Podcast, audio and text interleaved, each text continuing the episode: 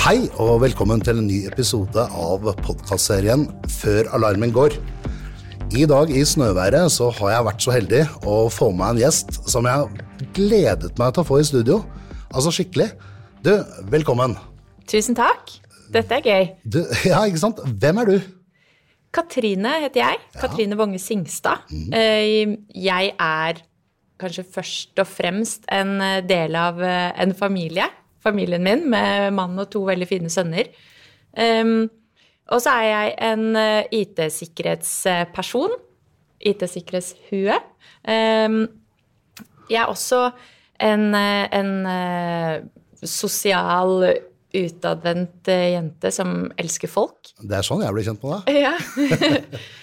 Og så er jeg en del av Otte, ja. der jeg jobber med skikkelig kule folk som betyr mye for meg. Og det, det Otte Vi kjenner jo godt en av kollegaene dine her også, Torgeir. Eh, og når jeg forklarer, prater rundt Otte, så ser jeg at det er et sånt konsulentbyrå som er satt sammen noen av de smarteste huene jeg vet om. Det er skikkelig hyggelig at du sier. Ja, men det er, Og det er ikke tull engang. Nei? Nei. Nei, jeg føler jo at eh, det er et sted med skikkelig bra folk. Ja, det er det. Gode, dyktige folk. Flinke til å reflektere, komme med løsninger. Er, det er, ja, det er en spennende gjeng å jobbe med. Ja, jeg lærer noe hver dag. Både når jeg vil og når jeg egentlig ikke hadde tenkt å lære noe. Så kommer det servert uansett. Så bra. Men du, hva gjør du i hverdagen, da? Jeg, eh, jeg Akkurat nå er jeg innleid eh, SISO i tolletaten. Så jeg driver med digital sikkerhet eh, der. Nettopp. Vært der i mange år. Spennende. ja. Vi kommer litt tilbake igjen til SISO sånn etterpå. Veldig spennende. Og forutenom det så går du bare rundt og koser deg i snøværet, du òg. Ja, eh, heldigvis så jogget jeg i går, for da kan jeg nevne det i dag. Eh, det er jo fint de gangene jeg husker at jeg liker å jogge, for jeg skulle ønske jeg gjorde litt mer. Um, jeg er også veldig glad i å gå på ski, og nå laver det jo ned, så det lover jo godt for mulighetene for å gå på ski. Er du, faren for å smøre seg bort er vel litt der i dag, for i dag vil det kladde. Ja, felleski er greia for Du- meg.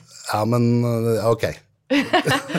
Det kan være en egen eh, episode om det, Ja, det kanskje. kan det være. Jeg jobbet for Tom Murstad i mange år da jeg var yngre. Ja. Eh, og um, har jo, det ene vi gjorde, var vi på OL i Lillehammer, så var vi faktisk oppe og slipte skiene for Smirnov. Oi. Og vi har satt struktur i ja, ja, veldig mange av de gamle, gode den tiden. Så jeg, jeg kan smøre ski hvis du lurer på det. Ringe og be meg om tips en gang. Da skal jeg ha deg på speed dial hvis jeg forviller meg bort til smøreski. Ja, men da skal vi prøve det. Men du, eh, vi var borti litt sånn hva du jobber men, men sånn, hvordan vil du beskrive jobben din? Sånn, hva jobber du med da i hverdagen mest? For meg er jo SISO nesten som en slags kinderegg. Ikke sant? Det er satt sammen av eh, å måtte være en som driver med kommunikasjon og markedsføring.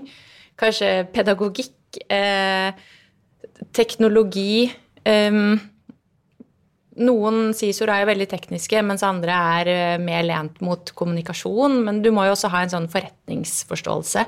For, eh, for de fleste i virksomheten så er jo digital sikkerhet en del av noe annet. Og hvis ikke man forstår det, så er det vanskelig å slippe til ved bordet. Ja, det, det er jo helt riktig. Og du har vel kanskje ganske stort spenn i brukere også? Veldig. Eh, Så akkurat i tolv så handler det jo om å forstå hva de jobber med, da. Hva deres samfunnsoppdrag er, og hva slags folk som jobber der, og hvordan hverdagen deres ser ut. Eh, Og hvis ikke man, hvis ikke man får til det, så er det jo vanskelig. Hvis man sammenligner med f.eks. bank og helse, da, så har du jo eh, mange jobber med PC, og mange er vant til å forholde seg til mye regler og krav. Eh, så alle virksomheter er forskjellige. Det er det ingen tvil om. Men du skal da motivere absolutt alle til å prøve å tenke litt mer sikkerhet, uansett hva de egentlig gjør i hverdagen sin? Ja, jeg kan liksom ikke bare fortelle hvordan de burde gjøre ting. Nei. De må skjønne det selv, og for å skjønne det selv så må man jo motiveres.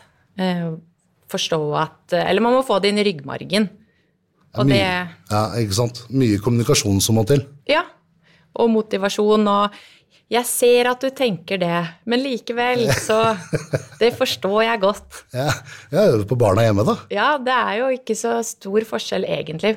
Nei, Mennesker er mennesker samme hvilken alder de er. Ja, det er jo helt riktig. Jeg, jeg jobbet jo en, ja, i flere år som instruktør eh, på en sånn sommerleirskole. Og det er vel kanskje der jeg lærte mest. om både meg selv og om uh, kommunikasjon. For uh, barn de har ikke fått opp det der filteret ennå, sånn at du hele tiden kan speile hva de sier, for det ser du på ansiktsuttrykket. Ja. Ja. ja, det kan jeg se for meg. Det er en veldig god erfaring å ha med. Ja, Den tipper jeg du har med deg i alt du gjør, sikkert. Du, det, det skal love deg. Men sånn, topp av dette her, hva, hva er det du brenner for når du skal kjenne, kjenne etter hva er det jeg brenner for? Um, jeg, jeg brenner for folk. Jeg liker folk. Jeg liker å bli kjent med dem, prøve å forstå dem. Eh, jeg liker å samle på folk. Så når jeg møter noen jeg liker, så har jeg lyst til å bare eh, legge de til på ulike kanaler, følge videre.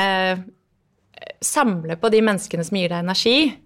Eh, og det, det å like folk og være opptatt av mennesker, det er jo veldig tett knyttet til jobben min òg. Ja, Fordi jeg vil jo ikke få til noe jeg prøver uten å få med meg folkene der jeg er.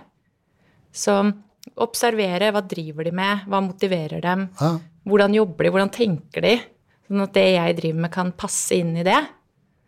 De har jo bare lyst til å gjøre jobben sin og få ting til å være enkelt og greit og smidig, og, og da må jeg tilpasse meg. Så kommer hun dama som gjør det litt vanskeligere. Ja, man blir jo fort en sånn nei-person når man jobber med IT-sikkerhet, og det er jo ikke egentlig nødvendig. Det er mye som går, bare man får tilpasset. Ja, vi er jo egentlig til stede for at de andre skulle kunne gjøre jobben sin på en sikker måte. Ja, Ja, uten å bli forstyrra av eh, Ja. folk som prøver å komme inn i systemene våre eller livene våre. ja ikke sant? Jeg skjønner ikke hvorfor de opplever oss på IT-sikkerhet som noen nei-mennesker, egentlig. Nei, Nei, det gjelder ikke oss. det er ikke oss, det er ikke oss de prater om. Nei, det må være noen andre. Det er helt klart. Men um, um, jeg har fått med meg at du, du driver med noe annet også. For eh, hvis jeg sier 'er du sikker', hva sier du da? Det, da sier jeg eh, da det, jeg er sikker. Er du sikker er en forening Ja, som eh, driver med teknologi og sikkerhet for barn. Så det kan jeg også si at jeg brenner veldig for. Eh, prøve å forstå hvordan man skal hjelpe barn og miljøene rundt barn på en god måte. For teknologien er overalt. Vi får ikke stoppet det, og vi ønsker jo ikke stoppe det heller. Eh, Så det handler om å ruste både barna og de rundt da, til å kunne ta gode valg, til å forstå hvordan ting virker, eh, bevisstgjøre. Så Er du sikker er en forening som driver med det. Har den vært eh, lenge? Altså, hvor lenge har dere holdt på med dette? Vi startet opp i 2018. Eh, Hvordan kom dette i gang? Det var Jeg jobbet i Soprasteria ja. og ble kjent med Torgeir. Ja. Lær kidsa koding. Lær kidsa koding, for det er jo det er en bastion. Ja. Det er jo blitt en institusjon hvor, som alle respekterer. ja. ja. og IKT Norge. Og så mm, prata vi, og så gjorde vi. Så da snakka vi med veldig mange ungdommer. Mm. vi var rundt og snakket med fagpersoner. Eh, Datatilsynet. Var rundt på skoler hvor de jobbet med dette. Ja. Eh, og så dro vi rundt og holdt foreldremøter eh, hvor barn var med. Eh, og lærte masse av det. Og eh, fikk etablert opplegg da, som, som Hvor man kunne jobbe med det her på en opplysende, bevisstgjørende måte uten pekefingre og uten skremselspropaganda. Og dette har dere fått til helt uten midler. Er det en veldedig, altså, hvordan har dere fått det i gang? Eh, det Noen må jo er- ha kommet inn og dytta litt midler og Ja. Eh, det er jo en eh, veldedig organisasjon, så vi, Ja. det er jo ikke noe penger involvert på den måten. Men pro bono. ja, eh, så det handler jo om at folk er litt ildsjeler da, og er villige til å bruke av sin tid. Eh, og så handler det også om at man jobber i steder som har mulighet til å bidra. Hvor man kan få lov til å bruke tid på det her. eh, at man kan eh, eh, få hjelpemidler. Eh, og det hadde vi jo disse tre. Særlig disse tre, da. Det ble jo flere etter hvert. Um, og fortsatt så er jo Lær Kidsa Koding eh, aktive, kanskje den mest aktive nå, sammen med oss. Det jo, passer jo veldig godt med det de driver med fra før, hvor det handler om veldedighet og samfunnsansvar og engasjement. Um, si sånn, Nå sitter jeg her og så tenker jeg, eh, dette har jeg lyst til å være med på. ja. Um, I Athea, da, som jeg Ja. jobber der har vi liksom en, en dag i året vi kan bruke på sånn veldedig arbeid som vi kan bruke selv. Jeg har jo stykket det litt opp, og, og sammen med Trond Sundby i Bærum kommune, han er SISO der, så har vi vært på en del Bærum-skoler og pratet både for foreldre og, og en del klasser. Eh, sånn litt, det, jeg var faktisk ikke klar over før vi begynte å prate om dette på, på Lillehammer under Sikkerhetsfestivalen, at dere hadde et sånt opplegg. Men la oss si sånn, det er sikkert flere med meg som sitter der og tenker at faen, jeg har lyst til å være med og bidra. Hva, hva, hvordan kom vi i kontakt med dere? Det, da er det bare å um, si fra, rope ut, eh, kontakte meg ja. eller Torgeir. Mm.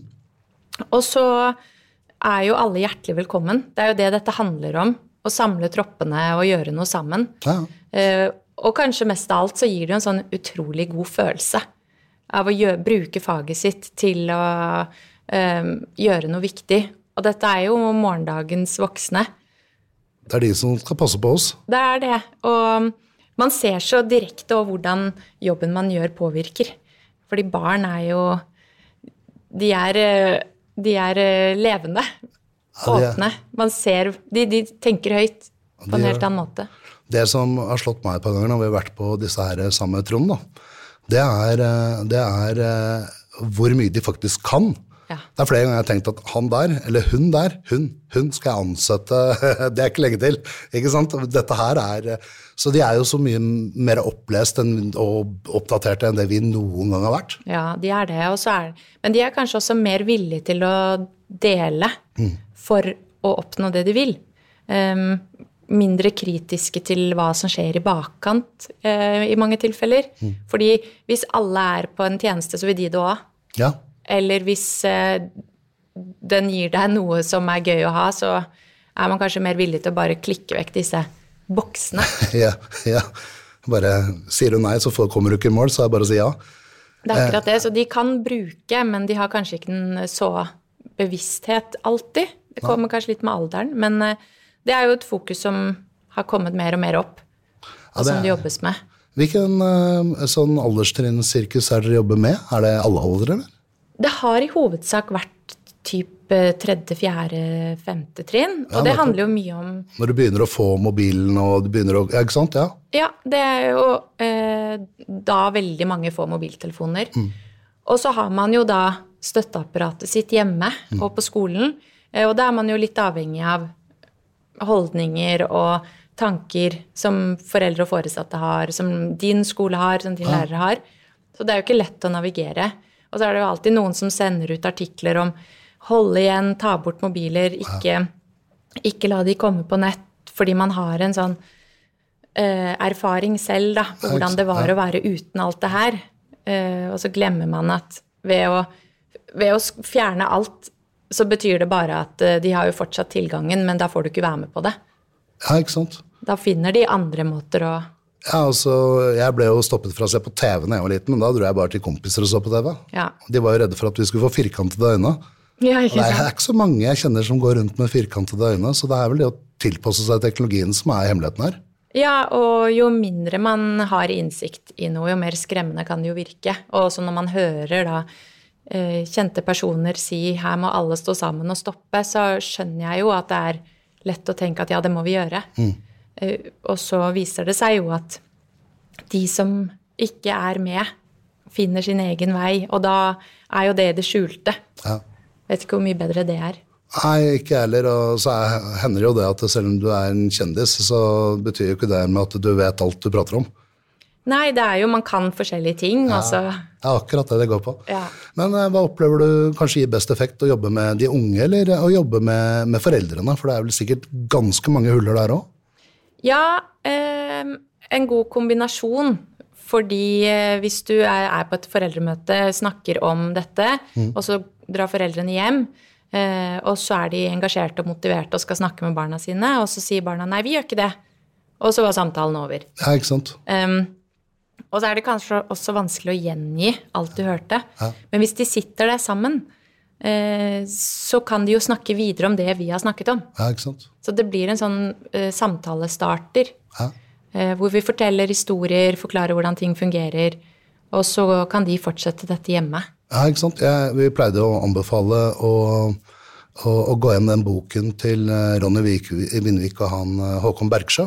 Ja. De har laget en sånn bok om dette her med digitale kids, og det å skulle være digitale foreldre eller, eller på en måte sånne autoritetspersoner. Ja. Eh, og den er også veldig fin å gå gjennom. Jeg brukte den selv med mine barn, faktisk. ja, ikke sant? Det er litt sånn. Selv om du jobber i bransjen og er paranoid, så var det ikke nødvendigvis Det ble litt sånn skomakerens barn innimellom. Ja, men det kjenner jeg igjen.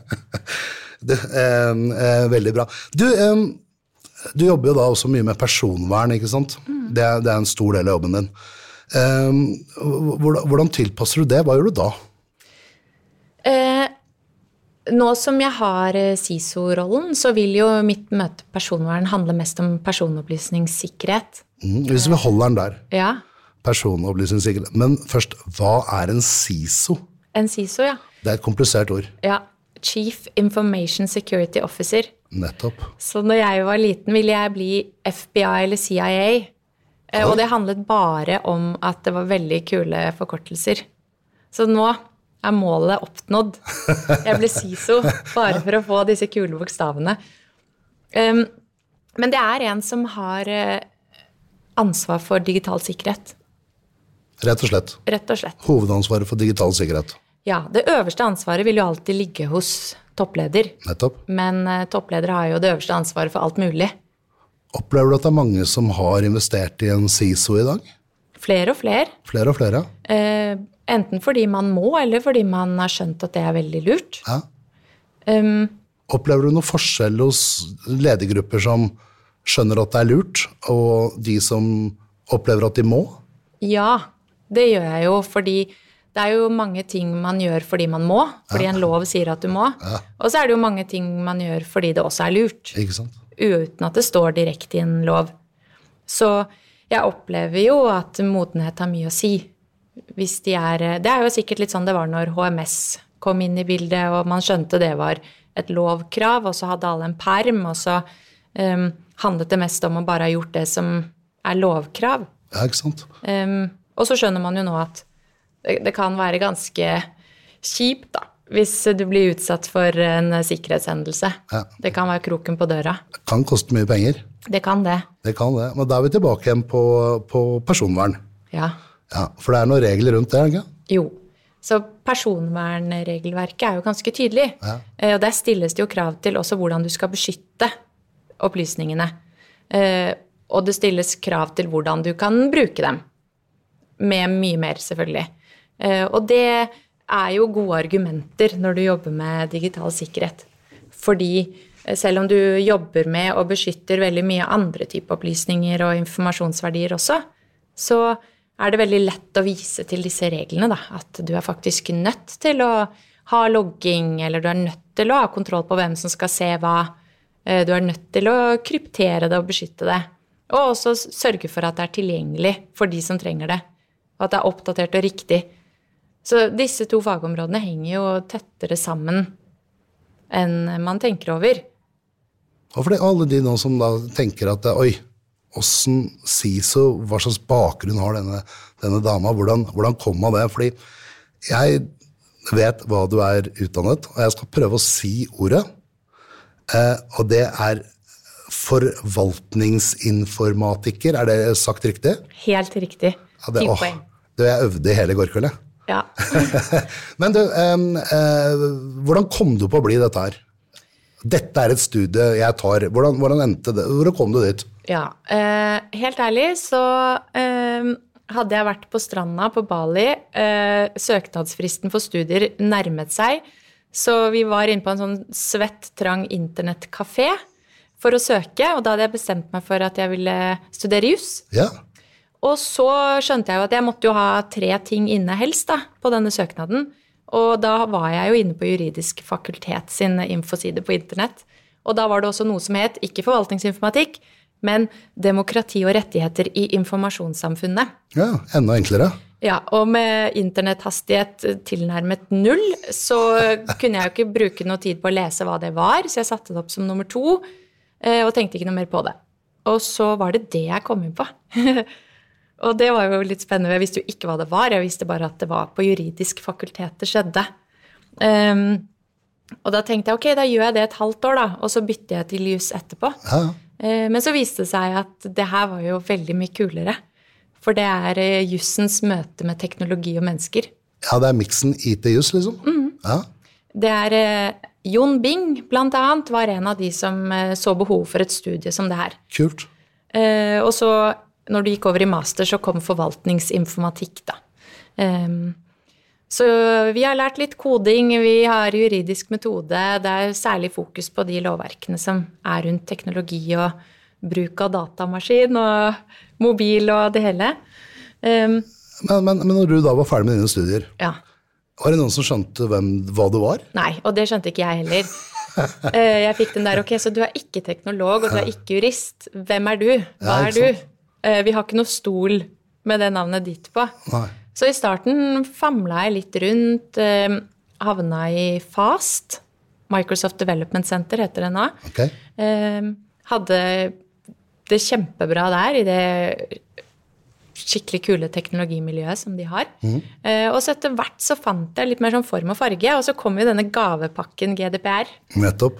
De derre fire bokstavene som kan være både skremmende og spennende. Da var du prom queen over natten, for alle skulle ha tak i sånne som deg. Ja, da tenkte jeg ok, her er min tid, da. Nettopp.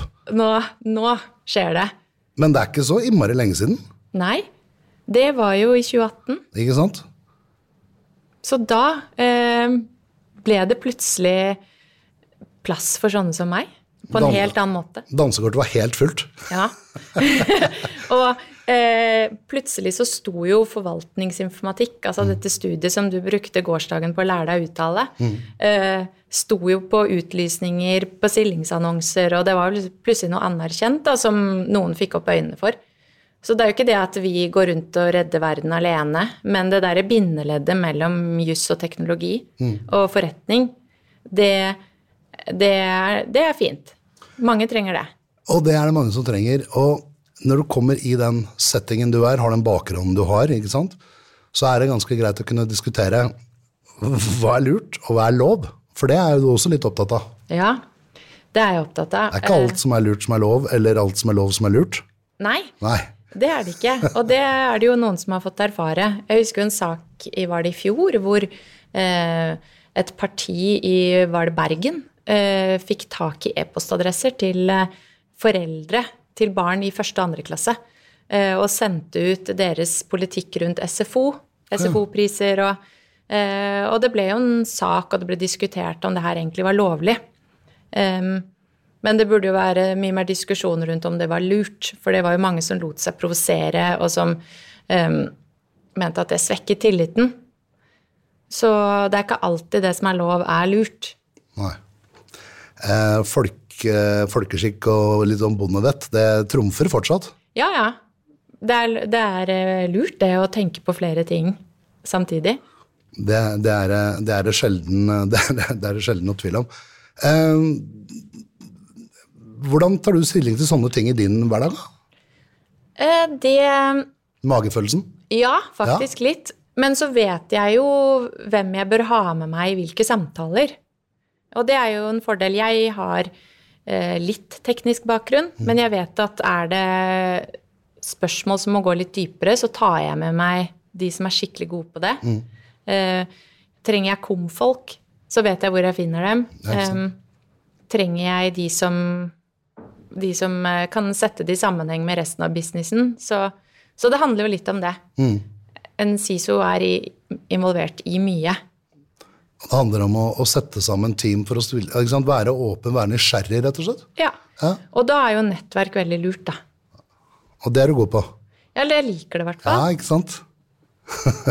Jeg, jeg liker å snakke med folk. Ja, jeg vet. Så, og da forstår jeg jo i hvert fall litt bedre hva de driver med. Og det er lettere å involvere forskjellige mennesker etter hvert som det er behov. Um, bare sånn avslutningsvis, um, jeg går litt tilbake til, eh, til SISO. Um, anbefaler du flere virksomheter å, å investere i den rollen? Ja, Ja. absolutt. Hva er de første og beste eh, verdiene du kan se, hvis du, hvis du sitter og tenker kroner og øre og styrer en virksomhet? Hva er liksom det første du kan tenke deg en SISO kan være med på å rydde? Sånn risikoappetitt, masse forskjellige ting, ikke sant? Jeg tror en SISO kan i stor grad hjelpe deg å rydde i huset ditt. da. Få litt oversikt over hva du har. Eh, hva som er eh, trusler og potensielle ting som kan skje. Hvem er interessert i dere? Og så hvordan man jobber. Og hvis du setter sammen det bildet, så er det lettere å jobbe med sikkerhet på riktig nivå. For det er jo forskjellig fra sted til sted.